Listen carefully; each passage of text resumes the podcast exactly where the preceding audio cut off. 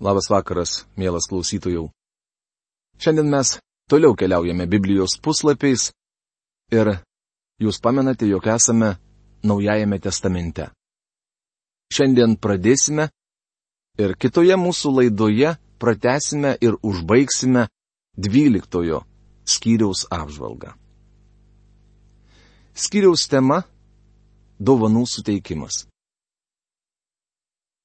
Kaip matėme, pirmoje šio laiško korintiečiams dalyje buvo aptariami kūniški dalykai.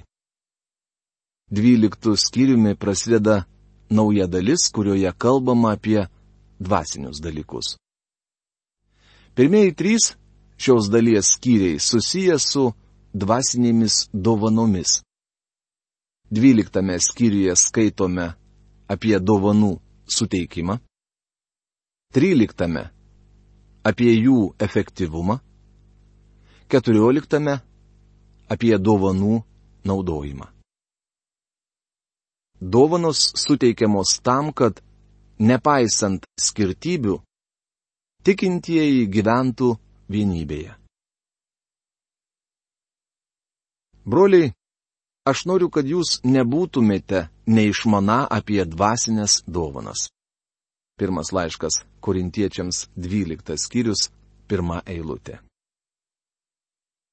Originalo kalboje žodžio dovanos nėra. Jis buvo pridėtas dėl aiškumo. Tačiau nemanau, kad nuo to tapo nors kiek aiškiau. Iš tikrųjų, jis tik sukėlė dar didesnę painiavą. Pataisytoje standartinėje Biblijoje verčiama dvasinės dovanos. Naujojoje angliškoje Biblijoje verčiama dvasios dovanos. Berklio vertime skaitome dvasinis davinys. Skofildo Biblijoje su nuorodomis randame gerą išnašą, papildančią šią eilutę. Čia pavartotas graikiškas žodis pneumatika, kuris pažodžiui reiškia dvasiškumai. Tai prieš priešą kūniškumui. Nėra jokio reikalo pridėti žodžio dovanos. Trečiame skyriuje, kalbėdamas apie susiskaldimą tarp Korinto tikinčiųjų, Paulius rašė. Aš, broliai, te galėjau kalbėti jums ne kaip dvasio žmonėms, bet kaip kūno žmonėms, kaip kūdikiams Kristuje. Pirmas laiškas Korintiečiams trečias skyrius, pirma eilutė. Korintiečiai apaštalui buvo uždavę klausimų apie tai, kas domina kūniškus krikščionis. Buvo kalbama apie tikinčiųjų susiskaldimą, ginčius dėl skirtingų vadovų, svetimavimo, brolių bilinėjimuose, taip pat apie seksą, moterų drabužius, vyrų šūkuosenas, meilės puotas ir apsirijimą bei girtuokliavimą viešpaties vakarienės metu. Tai kūniški dalykai, kurie nesvetimi ir nūdienos bažnyčiai. Pirmoje dalyje Paulius stengiasi pamokyti, atvesti į protą Korinto tikinčiuosius. Šioje laiško dalyje apaštalas kalba apie dvasinius dalykus. Paulius džiaugiasi, galėdamas pakeisti temą. Manau, pradėjęs dvyliktą skyrių, jis su palengvėjimu atsikvėpė. Paulius buvo pasirengęs diskutuoti ir kitais problematiškais klausimais, tačiau norėjo korintiečiams parašyti apie dvasinius dalykus. Šiuo laikiniai bažnyčiai reikėtų pakeisti kai kurias temas, kuriomis gana dažnai kalbama.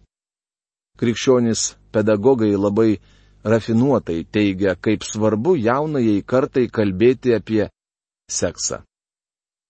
Bičiuli, Verčiau kalbėkime jiems apie dvasinius dalykus. Bažnyčiose apstu programų, kurios ne per nago juodimą nepriartina jaunimo prie Dievo žodžio. Jaunimo konferencijose dažniausiai kalbama apie tai, kas populiaru ar madinga. Visa tai rodo žmonių kūniškumą. Šioje dalyje Paulius nagrinės tris temas. Jis kalbės apie vienijančią dvasę, meilės įstatymą bei pergalę, kurią tikintysis turi Kristaus prisikelime. Beje, dvasios dovanos taip pat yra vienas iš dvasinių dalykų. Kai dar buvote pagonys, kaip žinote, jūs traukte traukė prie nebilių stabų. Pirmas laiškas Korintiečiams 12 skyrius, antra eilutė. Stabai buvo nebylus. Prisiminkite, jog Paulius anksčiau juos vadino niekais. Štai kodėl stabams paukota mėsa nebuvo suteršta. Stabai buvo niekas. Deja, ne visi tai supranta. 115 psalmės penktoje eilutėje psalmininkas sako. Jie turi burnas, bet nekalba. Turi akis, bet nemato. Ta pati rašė Habakukas. Ką padės stabas, meistro padarytas, liedintas atvaizdas ir melo mokytojas. Meistras pasitikė savo darbu, nors jo kūrinys tik stabas, negalintis žodžių ištarti. Habakuko antras skyrius, 18 eilutė. Įdomiausia tai, kad Paulius kalbės apie dovanas, kurias gyvasis Dievas suteikia tikintiesiems. Pirmiausia, apaštalas primena korintiečiams, kaip kitados juos traukte traukė prie nebilių stabų. Todėl aš jums aiškinu, kad ne vienas, kuris kalba Dievo dvasios skatinamas, nesako prakeiktas Jėzus. Ir ne vienas negali ištarti Jėzus yra viešpats, jei šventoji dvasia nepaskatina. Pirmas laiškas Korintiečiams 12 skyrius 3 eilutė. Absoliuti krikščioniško gyvenimo tiesa yra Jėzaus Kristaus viešpatystė. Ne vienas, kuris kalba Dievo dvasios skatinamas, nesako prakeiktas Jėzus. Dievo dvasia niekada neskatins nuvertinti Jėzaus Kristaus. Taip pat ne vienas negali ištarti Jėzus yra viešpats, jei šventoji dvasia nepaskatina.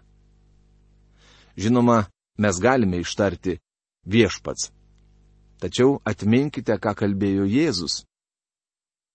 Ne kiekvienas, kuris man šaukia viešpatė, viešpatė, įeis į dangaus karalystę bet tik tas, kuris vykdo mano dangiškojo tėvo valią.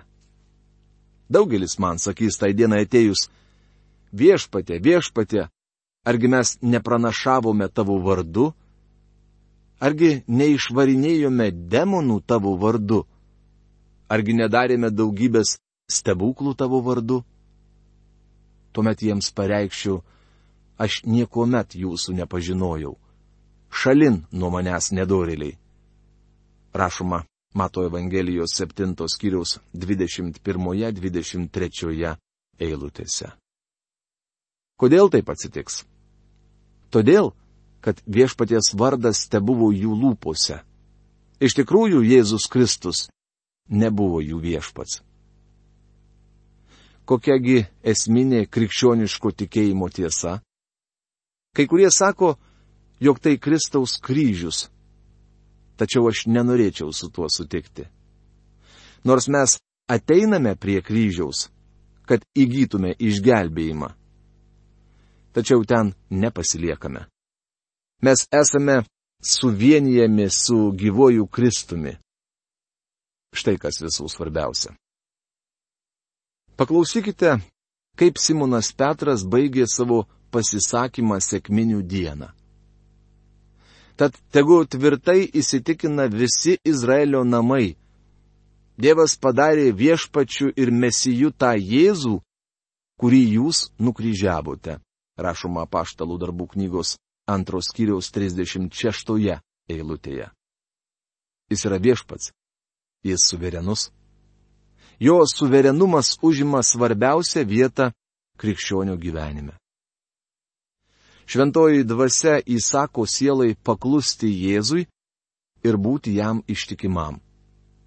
Tikrąją bažnyčią sudaro žmonės, priėmę šventosios dvasios išaiškintą tiesą. Šventoji dvasia atskleidžia Jėzaus viešpatystę. Prisiminkite svarbų į Jėzaus klausimą. Kuo jūs mane laikote? užrašyta Mato Evangelijos 16 skyriaus 15 eilutėje. To paties Jėzus klausia ir šiandien. Nesvarbu, kokia jūsų specialybė - odos spalva ar visuomeninė padėtis. Kas bebūtumėte, kur bebūtumėte ir kaip begyventumėte, Jėzus jūsų klausia, kuo jūs mane laikote? Kai Kristus šį klausimą uždavė savo mokiniams, Simonas Petras atsakė už visus. Tu esi Mesijas, gyvojo Dievo sūnus. Rašoma Mato Evangelijos 16 skyriaus 16 eilutėje. Jėzus yra pateptasis. Jis karalius ir viešpats. Jok žmogus negali tarnauti Kristaus bažnyčioje, kol nėra pavaldus Jėzui Kristui. Apie tai Paulius jau kalbėjo šiame laiške. Dabar šią svarbę tiesą jis pabrėžia dar sįki. Šiandien šventoji dvasia atlieka vienijimo darbą. Kiekvienam tikinčiajam atskleisdama Jėzaus viešpatystę. Šioje vienybėje esama skirtingų dovanų. Esama skirtingų malonės dovanų, tačiau ta pati dvasia. Pirmas laiškas korintiečiams 12 skyrius 14 eilutė. Dovanas dalina šventoji dvasia. Tam, kad tikintieji gyventų vienybėje, skirtingiems žmonėms jis suteikia skirtingas dovanas. Graikiškai dovanos yra charizma. Kai kas bando šį žodį tapatinti su kalbomis arba tariamais liežuviais ir ima kalbėti apie charizmatinį judėjimą. Tai tik parodo tokių žmonių neišmanimą, mat šiuo žodžiu apibūdinamos visos dovanos, kurias šventoji dvasia suteikia tikintiesiems bažnyčioje. Esama skirtingų tarnyščių, tačiau tas pats viešpats. Pirmas laiškas korintiečiams, 12 skyrius 5 eilutė visai nesvarbu, kokią dovaną turite. Pagaliau juk ją naudoja viešpats Jėzus ir ne kam kitam, o savo garbiai. Ir esama skirtingų darbų, tačiau tas pats Dievas, kuris visą veikia visame kame. Pirmas laiškas korintiečiams 12 skyrius 6 eilutė. Esama skirtingų darbų arba, kaip verčia profesorius Algirdas Jurienas, veikimų, Tačiau tas pats Dievas, kuris veikia visame kame, o taip pat ir tikinčiajame. Tai primena mums, kad tai yra vienas Dievas, tačiau jis yra trejybė. Trejybė veikia iš vien. Tarp trijų dieviškų asmenų yra absoliuti vienybė. Tačiau šioje vienybėje esama ir skirtumų. Pastebėkite, kad šventoji dvasia duoda dovanas. Viešpats Jėzus Kristus jas valdo, o Dievas tėvas teikia galę, padaro taip, kad dovanos veiktų. Visa tai daroma dėl vieno tikslo - kad būtų išaukštinta ir šlovinama Jėzaus Kristaus viešpatystė. Kiekvienam suteikiama dvasios apraiška bendram labui. Pirmas laiškas korintiečiams, 12 skyrius 7 eilutė. Visų pirma, Apibrieškime dovaną. Kas yra dvasios dovana? Tai įgalinimas tarnauti, funkcija. Paklausykite daktaro Liuiso Speričeferio apibrėžimo. Dovana tai šventosios dvasios atliekamas tarnavimas per tikintįjį. Norėčiau pridurti, kad tai turi būti daroma Dievo dvasios gale. Aš esu niekas. Nieko neturiu ir nesu naudingas nei Dievui, nei žmonėms. Tai nėra pamaldus tauškalai, bet faktas. Tačiau viešpats suteikė man dovaną ir aš privalau ją naudoti. Tai vienintelis būdas, kaip Dievo dvasia gali pasireikšti mano gyvenime. Kiekvienam suteikiama dvasios apraiška bendram labui. Dvasios apraiška tai dovanos apibūdinimas. Dovana yra dvasios apraiška. Tai nereiškia, kad mes privalome naudoti įgimtas dovanas. Pavyzdžiui, moteris turi dovaną dainuoti. Dievas davė jai nepaprastai gražų balsą, tačiau Jei ji negėdos šventosios dvasios gale, Dievas negalės jos balso panaudoti. Ir nenaudos. Štai kodėl muzikinis tarnavimas daugelyje šio laikinių bažnyčių yra nusiritęs iki apgailėtinai žemo lygio. Kai kurie muzikantai mano, kad jiems pakanka turėti gabumų ir dažnai repetuoti, ir todėl viešpats nebegali be jų įsiversti. Tiesą sakant, viešpačiui be jų būtų kur kas geriau. Aš apkeliavau šią šalį skersai išilgai, kalbu apie Ameriką. Kalbėjau daugelįje bažnyčių. Bėgant metams daug išmokau ir galiu pasakyti, kada muzikantas pagyvina tarnavimą, o kada jį marina. Man teko girdėti solinę giesmę, kuri, nuskambėjusi prieš pat pamokslą, mano žinę pavertė niekais dar nepradėjus kalbėti. Norėjusi atsistoti, ištarti palaiminimą ir keliauti namo. Noriu aiškiai pabrėžti, jog tikiu, kad šventoji dvasia gali panaudoti įgimtus tikinčiojo gabumus, jei tik tikintysis leis jai tą padaryti. Tačiau įgimtas talentas bus nieko vertas, jei jo nevaldys šventoji dvasia. Kai kurie žmonės neturi įgimtų gabumų. Jie mano, jog dėl to, kad negali gėdoti chore ar mokytis sekmadieninėje mokykloje, jiems nebelieka nieko kito, kaip tik sėdėti bažnyčios suole. Tai viena iš tragiškiausių klaidų dažnai pasitaikančių bažnyčiose. Šia eilutė mums sako, kad kiekvienas tikintysis turi dovaną. Kiekvienas. Kiekvienam suteikiama dvasios apraiška bendram labui. Taigi, jei esate Dievo vaikas, turite dovaną. Jūs esate Kristaus kūno narys ir privalote jame funkcionuoti. Kiekvienam suteikiama dvasios apraiška bendram labui.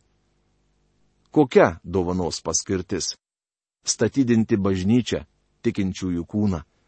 Ji turi būti naudojama ne savanaudiškai, bet taip, kad teiktų dvasinę pagalbą kitiems tikintiesiems. Antai vienam dvasia suteikia išminties žodį, kitam ta pati dvasia - pažinimą. Pirmas laiškas korintiečiams 12 skyrius 8 eilutė. Išmintis - tai tiesos išvelgimas. Nemanau, kad kiekvienas žmogus pats galėtų įgyti biblinį pažinimą. Tam reikalingi mokytojai, kuriuos mums duoda Dievo dvasia. Išmintis yra Dievo žodžio tiesos išvelgimas. Pažinimas reiškia tyrinėjimą arba kasimasi prie tiesos.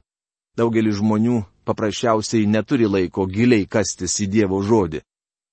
Vienas vyras, remiantis mūsų programą, labai atvirai pasakė, aš tik meldžiuosi, kad jūs man ką nors iškastumėte. Ta žmogus verslininkas, todėl jis negali valandų valandas studijuoti šventą įraštą Manau, kad Dievas iš jo to nereikalauja. Šis vyras remia programą, o aš kas už jį. Tai mano dovana. Taigi mes su juo esame partneriai ir dirbame kiekvienas naudodami savo dovaną. Tai labai praktiška. Kitam tikėjimą toje pačioje dvasioje. Kitam išgydymo dovana toje vienoje dvasioje. Pirmas laiškas korintiečiams 12 skyrius 9 eilutė. Tikėjimas, kaip teigia šventasis raštas, laiduoja mums tai, ko vilėmės įrodo tikrovę.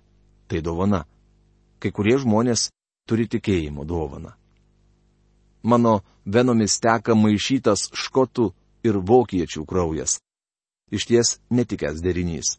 Būdamas pilnas pesimistinio kraujo, į viską žiūriu pesimistiškai.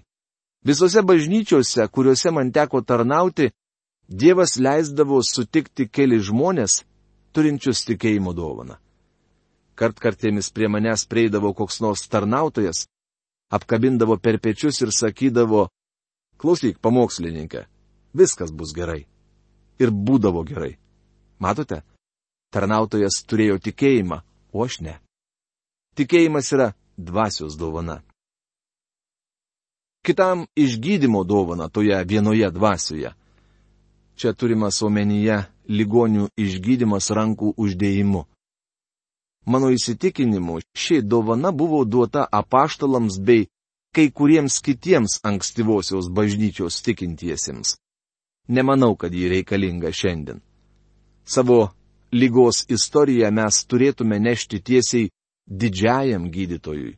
Mums nereikia eiti pas kokį nors vyrą ar moterį su prašymu, kad už mus pasimelstų ar uždėtų ant mūsų rankas. Neškite savo lygos istoriją didžiajam gydytojui. Prisiminkite atvejį, kai šimtininkas atėjęs pas Jėzų prašė, kad šis išgydytų jo tarną. Jis neprašė Jėzaus uždėti ant tarno rankų, bet paprasčiausiai tarti žodį, kad tas pasveiktų. Šis vyras turėjo tikėjimą, tokį tikėjimą, kad Jėzus stebėjosi juo ir sakė, sakau jums, ne Izraelyje neradau tokio didelio tikėjimo. Rašoma Luko Evangelijos 7 skyrius 9 eilutėje.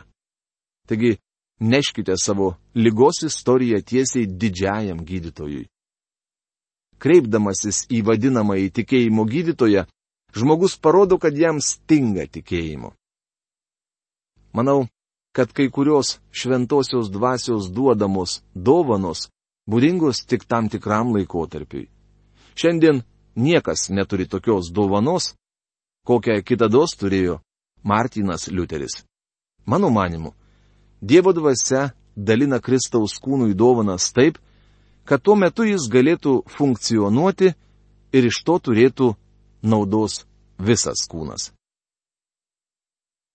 Mielas klausytojau, šioje mūsų potėmėje liko nagrinėti keletas eilučių. Bet tai mes padarysime kitoje mūsų laidoje. O šiandien mūsų laikas baigėsi. Iki malonaus susitikimo. Sudė.